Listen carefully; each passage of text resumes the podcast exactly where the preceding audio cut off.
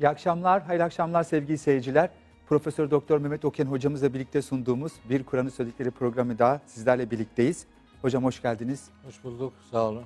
Teşekkür ederim. Hocam gerçekten sizle birlikte olmak çok keyifli. İnanın her defasında da ben heyecanlanıyorum ve keyif diyorum. Öğreniyorum. Bir de öğrenciniz ve talebeniz olarak da. Estağfurullah. Teşekkür ederim. Ben de Kur'an'ın talebesiyim. Ben de her gün Kur'an okuyarak Kur'an'dan bir şeyler öğrenmeye çalışıyorum. Her gün bir ayet daha hayatıma nasıl iner diye onun çabası e, içerisindeyim. Bildiğim, öğrenebildiğim kadarıyla ne kadar öğrenebiliyorsam onu da kardeşlerime aktarıyorum. E, aktarımlarda eğer sorun gibi bir şeyler olursa hatalar bana aittir. Allah'ın kitabının bu anlamda hatayla hiçbir şekilde anılması bizim için doğru bir şey değildir. Hata yapanına aittir. Allah'ın kitabı elbet hatadan uzaktır. Ya Zaten hocam bildiklerimizin e, hocası, bilmediklerimizin talebesiyiz. Ve bütün güzellikler de Kur'an'a ait. Bütün doğrular, buradaki hakikatler dediğiniz gibi de yanlışlıklar bize ait oluyor. Hocam yaratılış, din ve risalet üzerine e, bildiğim kadarıyla yanılmıyorum da son kitabınız. Evet. Ee, bunun üzerine bugün biraz konuşmak da istiyoruz. Şöyle de tutayım. Kur'an-ı Kerim ve hayatla olan ilişkimiz. Kur'an-ı Kerim'in Kur'an'daki tarifi, isimleri, sıfatları. Bunun üzerine hocam hatta ikinci bölümü. ikinci bölümden başlıyoruz. Evet. Kur'an-ı Kerim'in hayatımızdaki ilişkisi hocam. Şu böyle bir kitap niye yazdım onu söyleyeyim. Yani benim amacım benim aslında e, basılmamış ama baskıya hazır bir tefsirim var. 15 yıldır, 16 yıldır Beklediğiniz. onunla uğraştığım e, ama bitirdiğim elhamdülillah Kaç cilt 30 hocam? cilt 30 cilt 30 cilt. e, Kur'an'ın Kur'an'la tefsiri tekniğiyle yazdığım ama ayetleri önce ayetlerle ele aldığım, sonra ayetlerin e, anlaşılmasında veya bazı detayların bilinmesinde lüzumlu olan, gerekli olan noktalarda işte hadislerden sahih olduğuna inandığım, Kur'an'a aykırı olmadığını düşündüğüm hadislerden ve pek çok tefsir aliminden e, dipnotlarla e, yoğun bir e, çalışma ortaya koydum. Tefsirim var. Bu kitaplarda yazdıklarım da aslında o tefsirde ayetleri yorumlama e, çalışmamın bir takım özetini, derlemesini yapıyorum. E, çünkü belli başlı konularda kardeşlerimizin çok yoğun ilgisi, çok yoğun soruları oluyor. Yani onlara böyle hep teker teker cevap verme e, bazen çok mümkün olmuyor.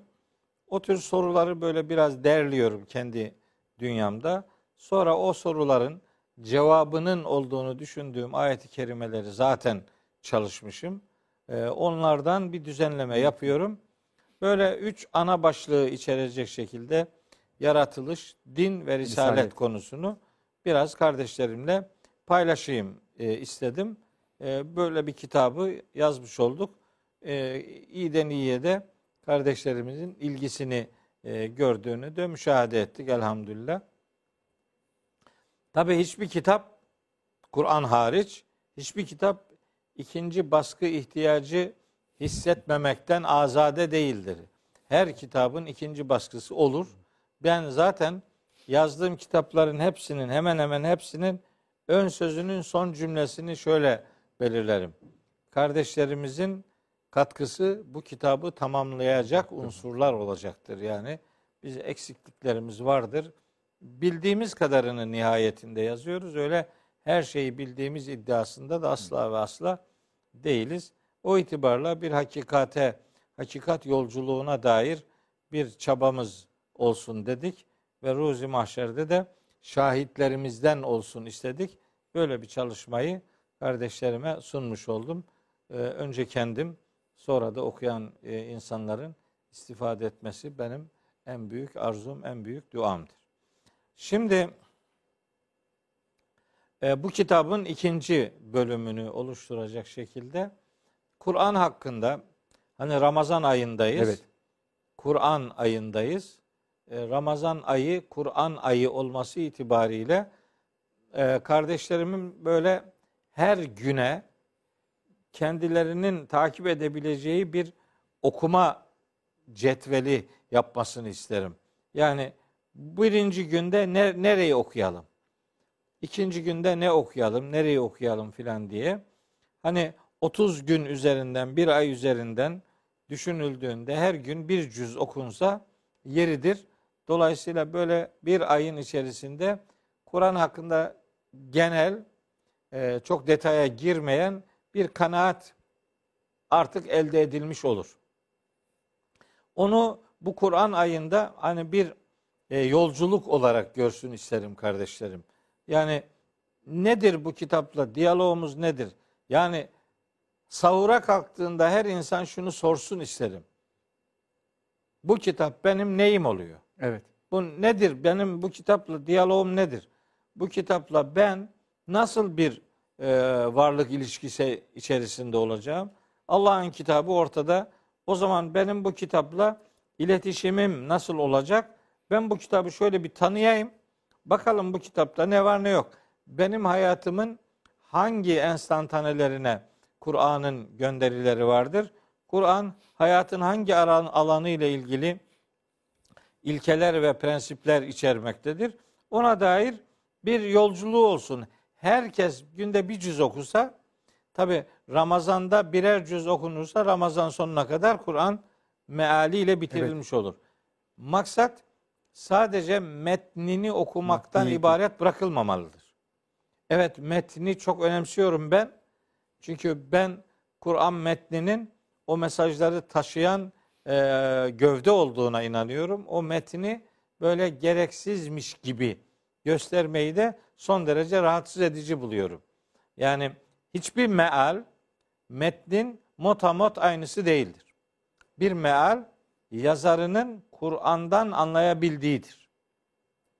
Eksik anlaş, anlamış olabilir, yanlış anlamış olabilir. Dolayısıyla meallerde görülen bir takım e, anlam sıkıntısı taşıyan ifadelerin faturasını meali evet. yazana e, kesmek lazım. Me, e, oradaki kabahat asla ve asla metnin yani Kur'an'ın değildir. O itibarla böyle hani mealinden de okunsun ki yani bu metin bize ne diyor bunu anlamış olalım. Tabii.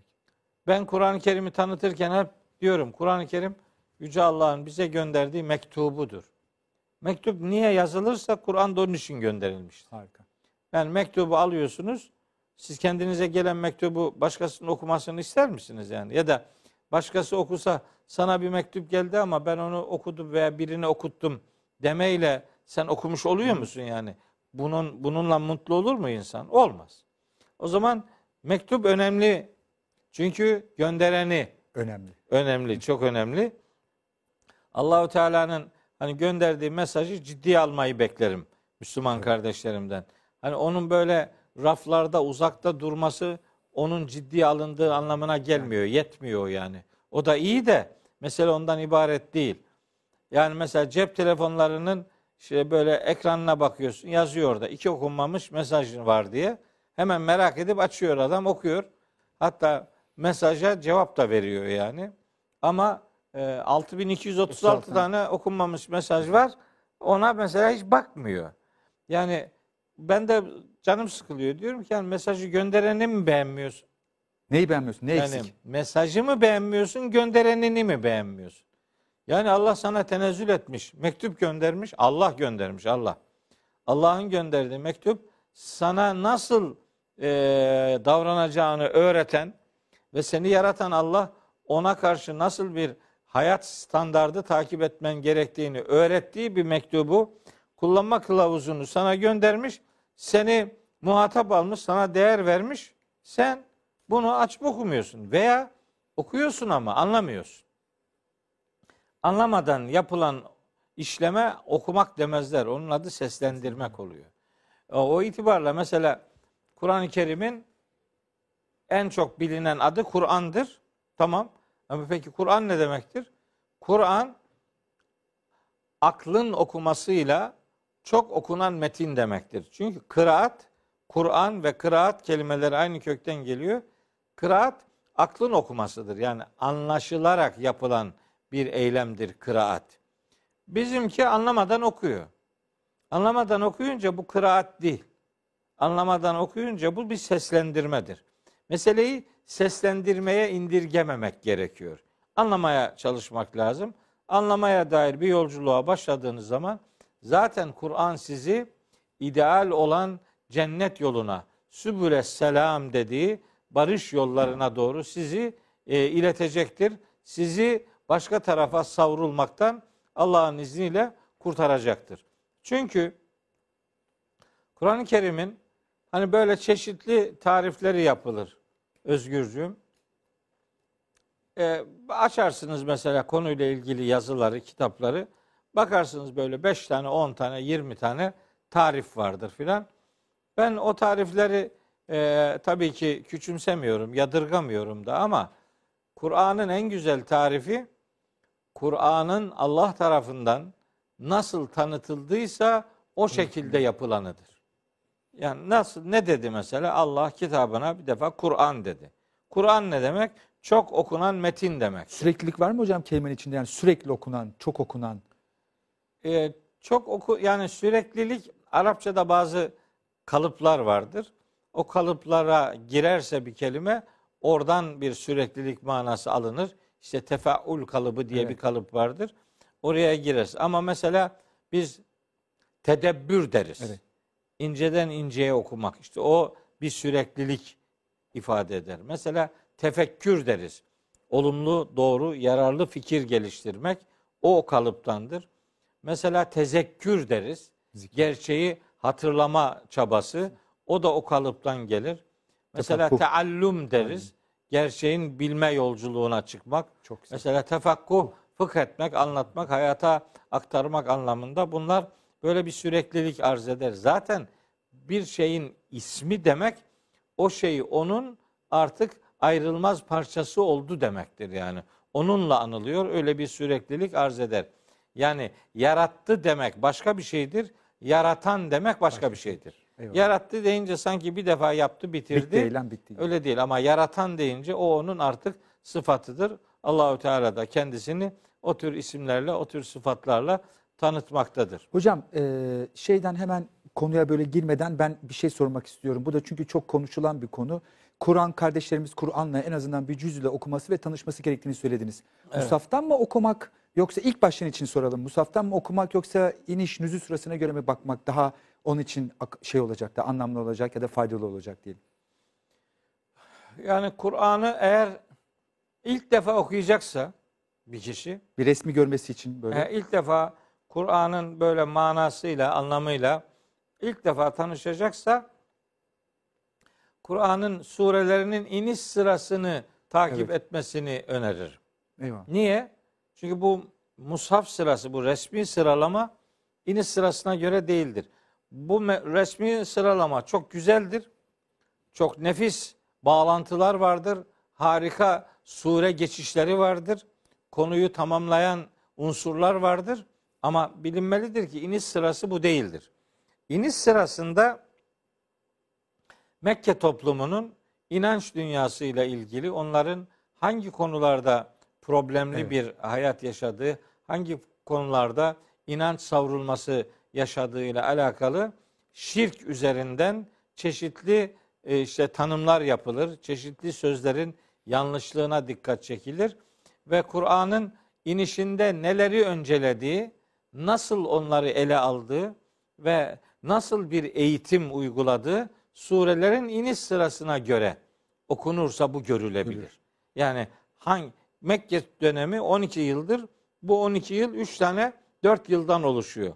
Hani ilk 4 yılda hangi konular ele alınıyor? Orta 4 yılda neler geliştiriliyor? Son 4 yılda artık Medine'yi hazırlayan içerikler nasıl e, peyderpey devreye giriyor? Bunu görürsünüz. Yani Kur'an'ın bir anlamda hayat yolculuğunu e, müşahede etmiş olursunuz. İniş sırasına göre okursanız. Hani işin e, kökü, temeli Mekke dönemi surelerinde atılır, atılmıştır. Onun inanç dünyası, ahlak dünyası, kişinin genel ahlak dünyasıyla nelere inanması lazım geldiği 12 yıllık Mekke dönemi surelerinde böyle ilmek ilmek dokunur. Sonra Medine e, aşaması gelir ki o, on- o da 10 yıldır. O 10 yılda da inanılan bu değerlerin hayata nasıl aktarılacağı öğretilir. İşte önce 90 surelik Mekke dönemi sureleri, sonra da 24 surelik Medine dönemi sureleri 24 iniş sırasına göre okunursa daha doğru bir okuma yapılmış olur. Birkaç defa böyle okusa kardeşlerim, hani birkaç defa değil hani diyelim 5-10 defa, bir sene diyelim. Bir sene Kur'an-ı Kerim'i iniş sırasına göre okusa adam diyebilir ki iniş sırasını nereden bileceğiz? Bazı meallerde vardır o sıralama. Ben de benim mealimin işte baş tarafında hem musaf sırasına göre hem iniş sırasına göre e, surelerin sıralamasını gösteren bir cetvel koydum. Ama internetten de şuradan da buradan da insanlar öğrenebilirler. O sıralama takip edilirse yani Kur'an'ın mantığı anlaşılmış olur. Kur'an'ın neleri öncelediği, e, nelere nelerin neyin tabanı yaptığı, hangi tabanın üzerine hangi binayı inşa ettiği, inşanın e, katmanlarının nasıl şekillendirildiğini görmüş olur. Bu iyi bir soru e, oldu e, sizin sözünüz. Bunu yoksa hani akışta belki de ıskalayacaktık. Hiç söyleyemeyecektik. Söylemiş olduk. Şimdi Kur'an-ı Kerim'in işte kendini tanıttığı Tanıtı, şeyler evet. var. Ben isimlerine, sıfatlarına girmeden önce bir şey daha söylemek istiyorum. Şimdi Kur'an-ı Kerim'in e, kendisini tanıttığı tanıtıcı cümleleri var. Onlardan birkaç tane okuyacağım biraz sonra. Fakat genel böyle bir Kur'an algısı, bu kitap neden bahsediyor acaba? Evet. İçeriği nedir diye hani buna da bir gönderme yapmak lazım. İnsanlar nasıl bir kitapla yüzleşeceklerini bil- bilsinler diye e, belirtiyorum. Bu kitapta nelere inanılması gerektiği noktasında, hangi inanç türlerinin arızalı olduğu noktasında çok kapsamlı bilgiler verir. Hatta bu bilgileri sadece Mekke dönemindeki e, müşrik toplumun inanç bozukluğu üzerinden değil, peygamberler tarihinden sunduğu kıssalar üzerinden de verir.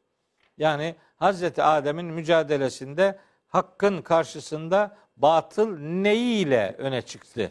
Hazreti Nuh'un hayatında kafir e, işte e, ileri gelenler Hazreti Nuh'u hangi noktalardan eleştirdiler?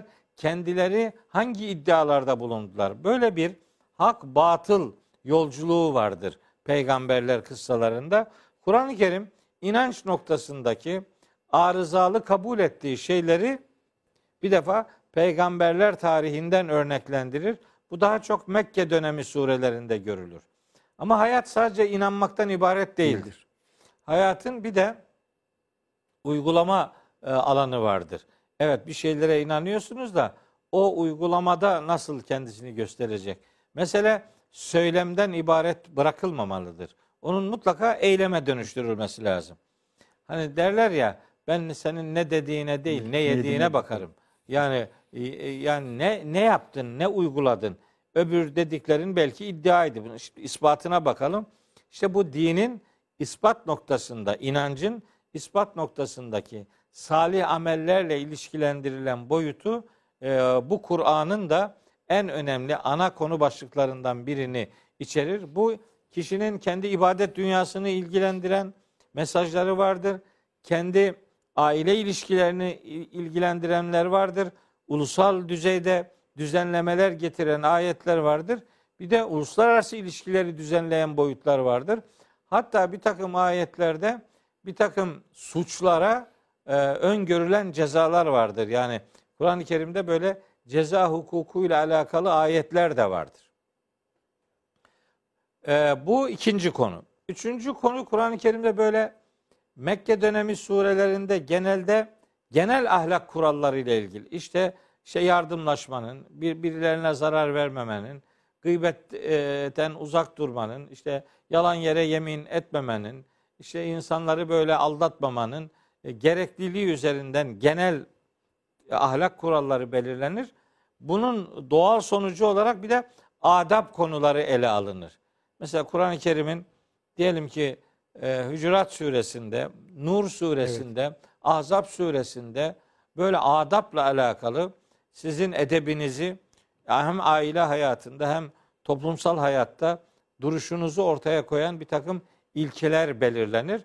Bu da Kur'an-ı Kerim'in ana e, konu başlıklarından bir tanesidir.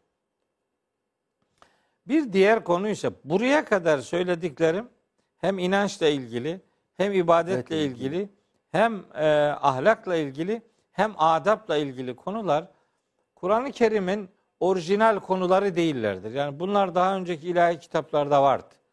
Benzerleri vardı en azından. Daha kapsamı dar olan boyutta da olsa vardı. Şimdi önceki ilahi mesajlarda olmayıp Kur'an'a özel, Kur'an'la Evet. orijinalite kazanmış konu başlıkları da var. Ben e, diğer dört başlık kadar, en az onlar kadar bu söyleyeceğim beşinci başlığın da Kur'an için görülmesi gerektiğine inanıyorum. Nedir bu? Bu Kur'an'ın kendisinin dışında insanları yönelttiği dış alemle alakalı ayetler.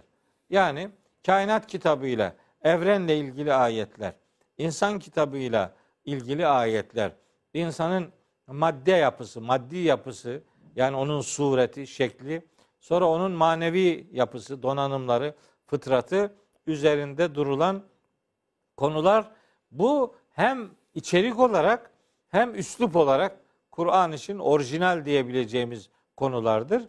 Bu çerçevede bu beşinci aşama, beşinci kapsamla alakalı söylediğim konular arasında mesela e, işte jeoloji var. Yani jeofizik var. Jeomorfoloji var.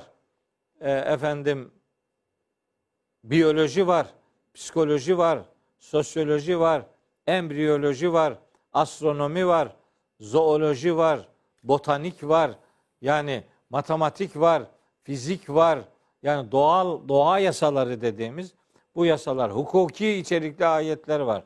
Hukukun en evrensel değerleri diyebileceğimiz o değerlerin yani omurgasını oluşturan ilkeler Kur'an-ı Kerim'in hukuku içerikli ayetlerinde görebileceğimiz e, hususlar arasındadır.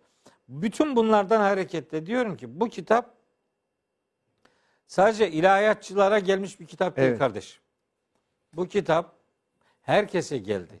Yani işini düzgün yapma anlamında her meslekle alakalı o mesleğin ana kodlarını veren, işine sadakati, savsaklamamayı öğreten temel ilkeler vardır.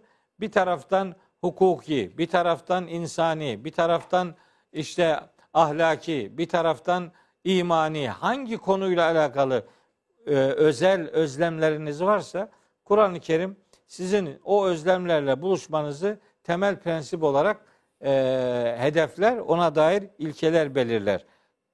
Mesela öyle ayetler var ki mesela insanın yaratılışıyla alakalı. İnsanın yaratılış e, sürecinde neler ge- gerçekleşmiş, neler olmuş.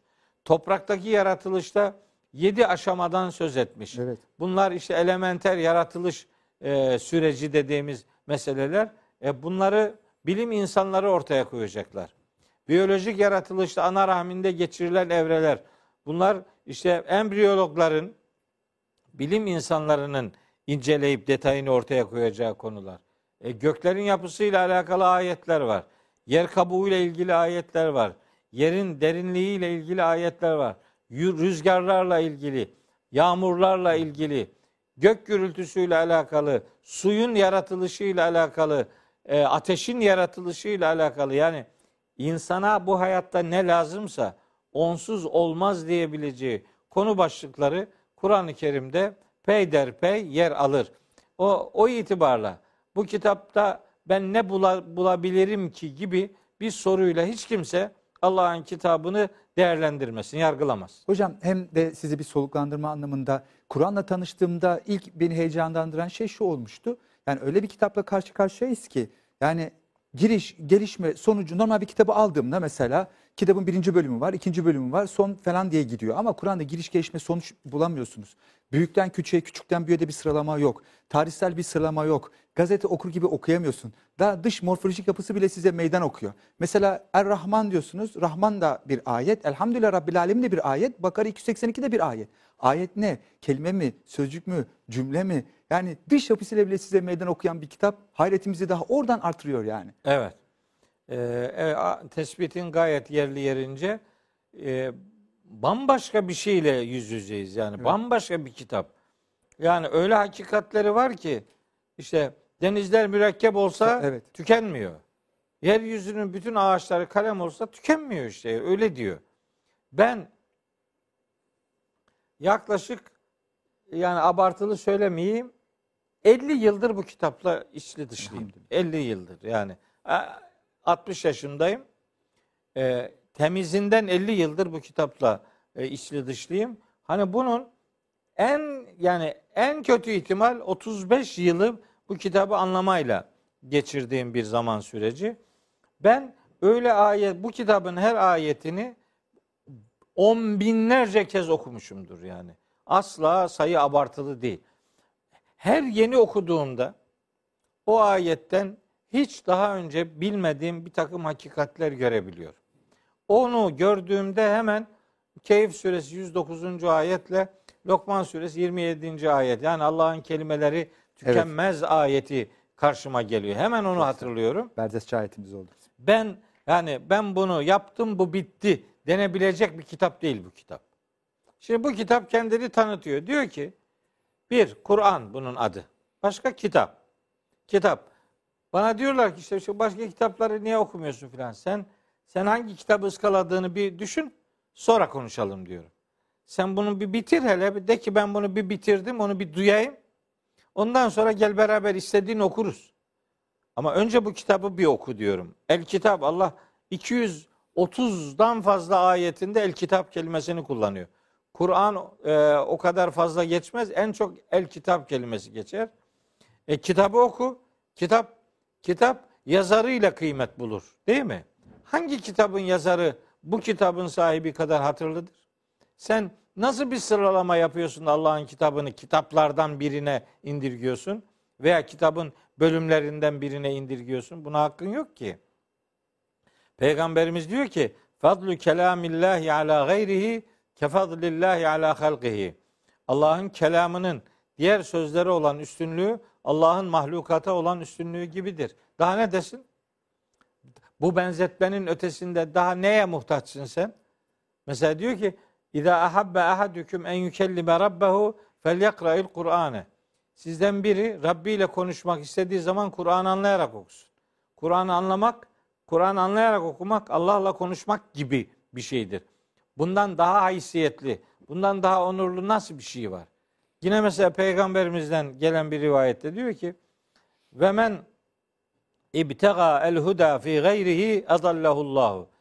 Kim hidayeti, rehberliği Kur'an'ın dışında bir yerde ararsa Allah onu saptırır diyor.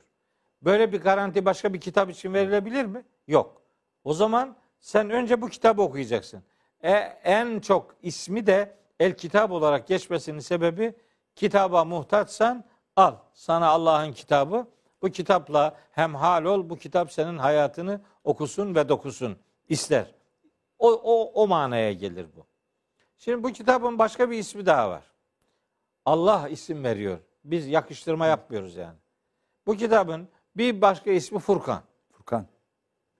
Hatta 25. suremiz. surede adını oradan alıyor. Furkan. O surenin birinci ayetinde geçen El Furkan kelimesi. Furkan ne demek?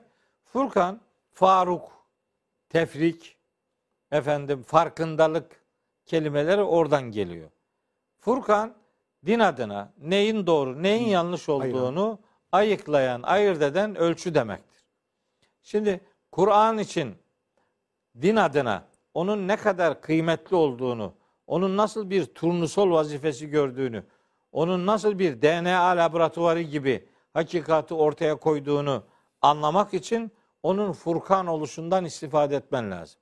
Yani bir adam Kur'an'a yöneldiğinde yani ben bu kitaptan şimdi ne öğreneceğim? Ben bunu şimdi ne niyetle açtım? Niyetiniz Allah'ın kelamına bakmaksa o siz ona yüzünden bakarsınız, o da sizin yüzünüze bakar. Ama hakikati onda ararsanız o sizin beyninize hitap eder. Yüreğinden konu- bakarsan yüreğine konuşacak o zaman. Evet tabi. Aklından bakarsan aklına konuşacak.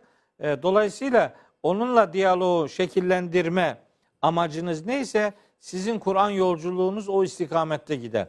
Ve farkındalık oluşturursunuz. Kur'an'ı okuyanlar muttaki olurlar. Muttaki olanlar Allah'ın Furkanıyla buluşurlar.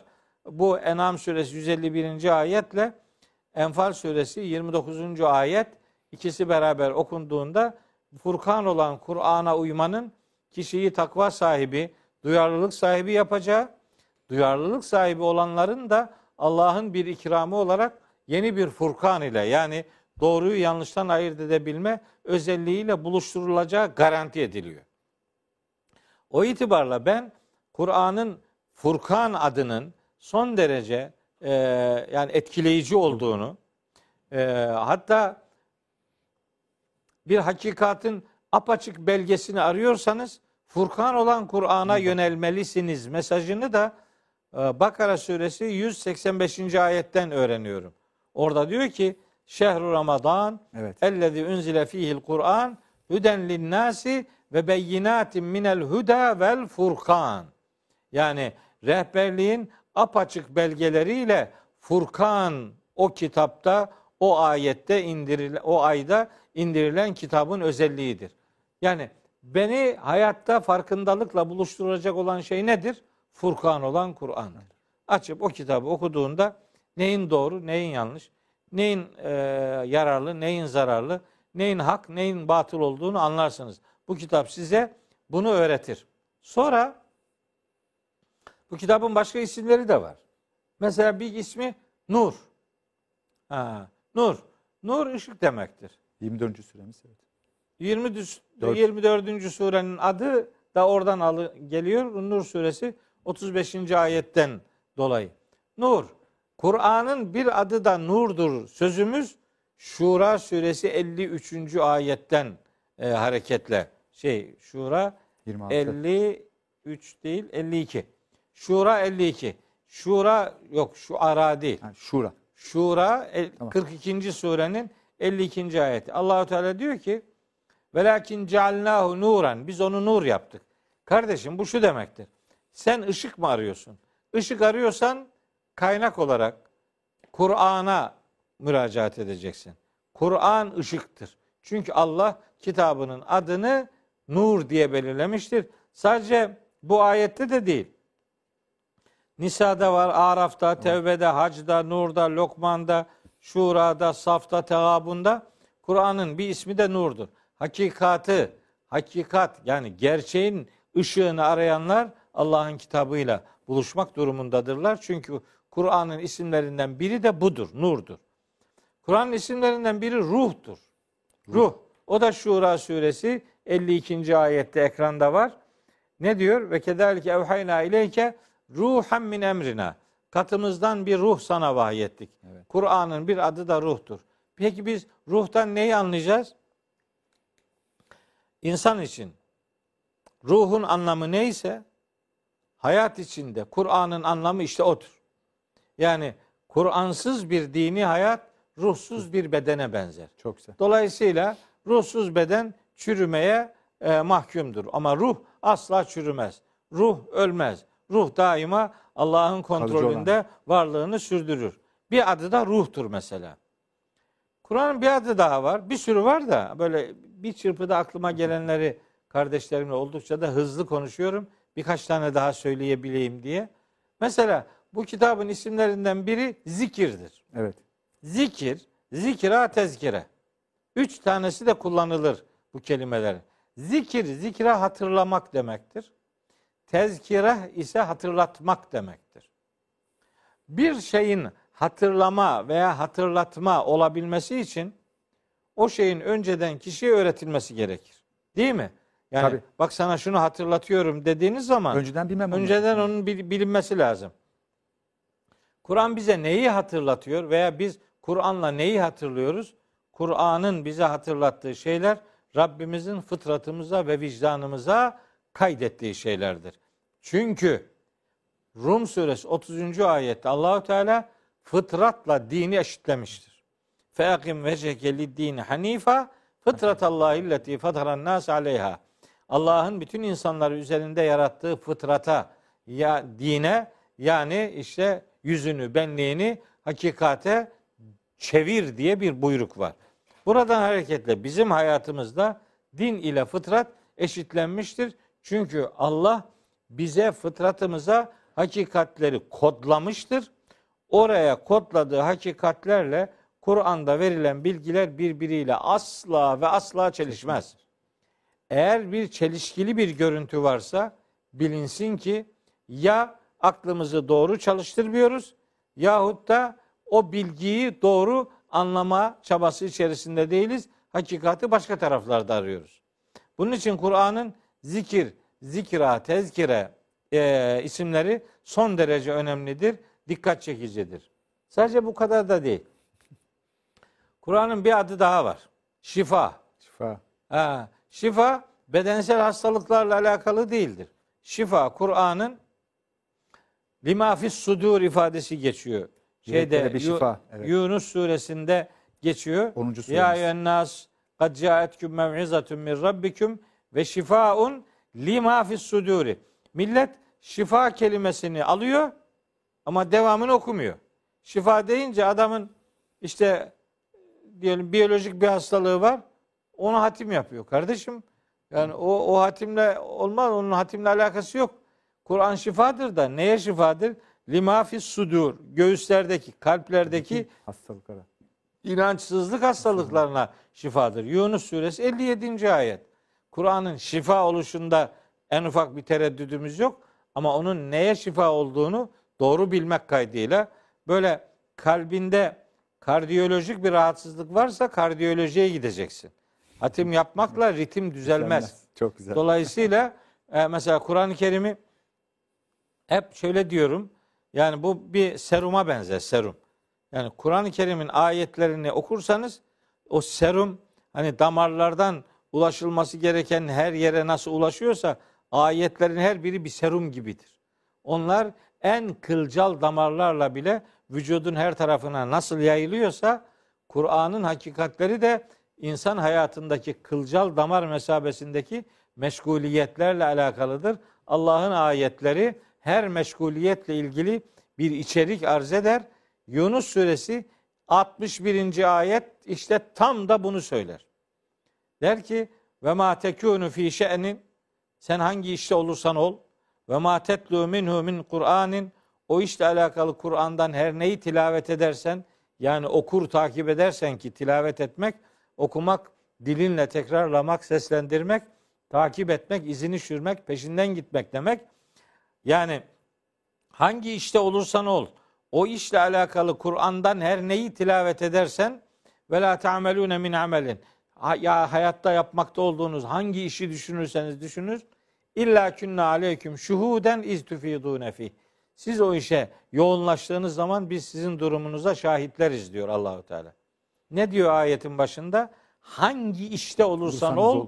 o işle alakalı Kur'an'da neyi tilavet edersen biz orada o işe vakıfız ve o işin şahidiyiz. Senin Kur'an'la hayatı nasıl buluşturup buluşturmadığın noktasında duruşunu biz takip ediyoruz demeye getiriyor. Efendim Kur'an'da her şey var mı? Kardeşim Kur'an'da sana lazım olan her şey var. Var. Bazen genel hatlarıyla var, bazen detaylarıyla var. Ama ille de var.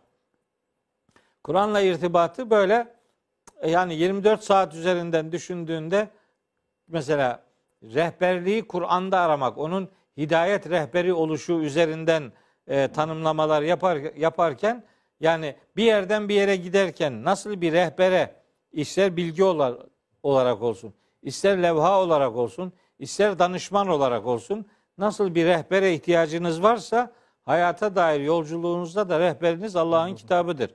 Efendim hangi alanda? Her alanda. Yani Allah'ın kitabı sizi herhangi bir konuda boş bırakmaz. Herhangi bir konuda sizi yolsuz ve yolcusuz bırakmaz. Ben eskiden anlatırken Kur'an'ın yol göstericiliğini, hidayet rehberi oluşunu ki Bakara suresi 2. ayette ve e, işte gene Bakara suresi 185. ayette, e, Ali İmran suresi 4, 3. 4. ayette, hatta İsra suresi 9. ayette filan Kur'an'ın yol göstericiliğinden söz eder Allahu Teala. Niye? Ee, niye? Çünkü bu hayatı yaşıyorsunuz. Bir aşamadan başka bir aşamaya geçiyorsunuz. Başka diyaloglar yaşıyorsunuz. Size birinin e, rehberlik yapması lazım. Siz tek başınıza onları çözemezsiniz. İşte o rehberlik ihtiyacını hissettiğiniz yerde yani sizin imdadınıza yetişecek olan metin Allah'ın kitabıdır. Eskiden harita gibi anlatırdım. Kur'an bir haritadır. Bir merkezden başka bir merkeze yolun neresi olduğunu gösterir diye. Şimdi o benzetmeyi navigasyona dönüştürdüm. Anlık bilgi verir. Kur'an harita donuk bilgi verir, hareketsizdir. Tabii. Ama navigasyon hareketlidir, anlık bilgi verir. Yani dünün e, açık yolu bugün kapanmış olabilir. Navigasyon size açık yolu gösterir. Anlık bilgi verdiği için. Kur'an da öyledir. Yani dünün alışkanlıklarını bugünün aydınlığıyla karşılayacak daima manası taptaze bir kitapla e, bize sesleniyor Allahu Teala. Onun için Kur'an'ın manası sonsuz kez iner, herkese iner, her şeyle ilgili olarak iner.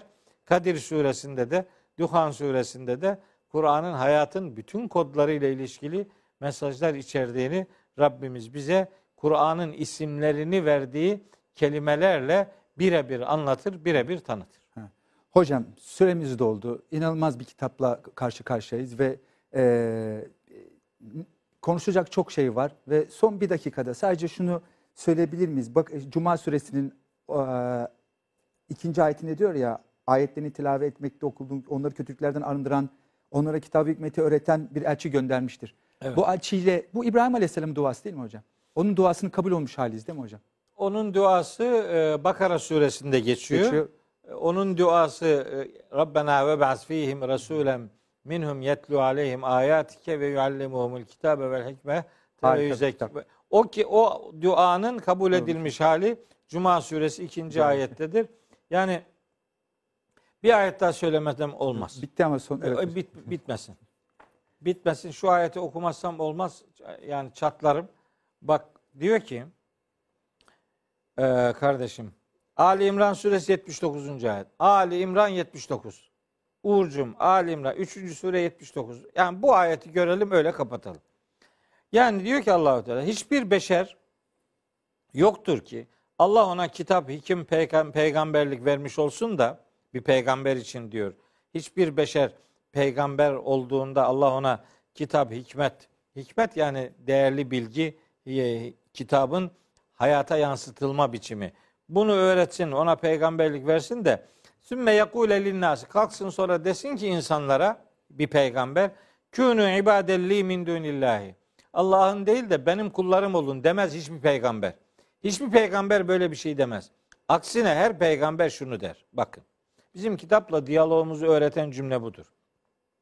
Velakin her bir peygamber şunu der demiştir. Ümmetlerine bizim peygamberimiz de dolayısıyla bize demiştir. Künü olun. Şöyle olun. Nasıl? Rabbani yine. Rabbaniler olun. Yani kendini Rabbine adayan insanlar olun. Nasıl olacak bu? Bima kuntum tuallimunel kitabe. Bu kitabı talim edeceksiniz ve bima kuntum tedrusune. Bu kitaptan ders çalışacaksınız. Bu kitabı talim edecek ve bu kitaptan ders çalışacaksınız.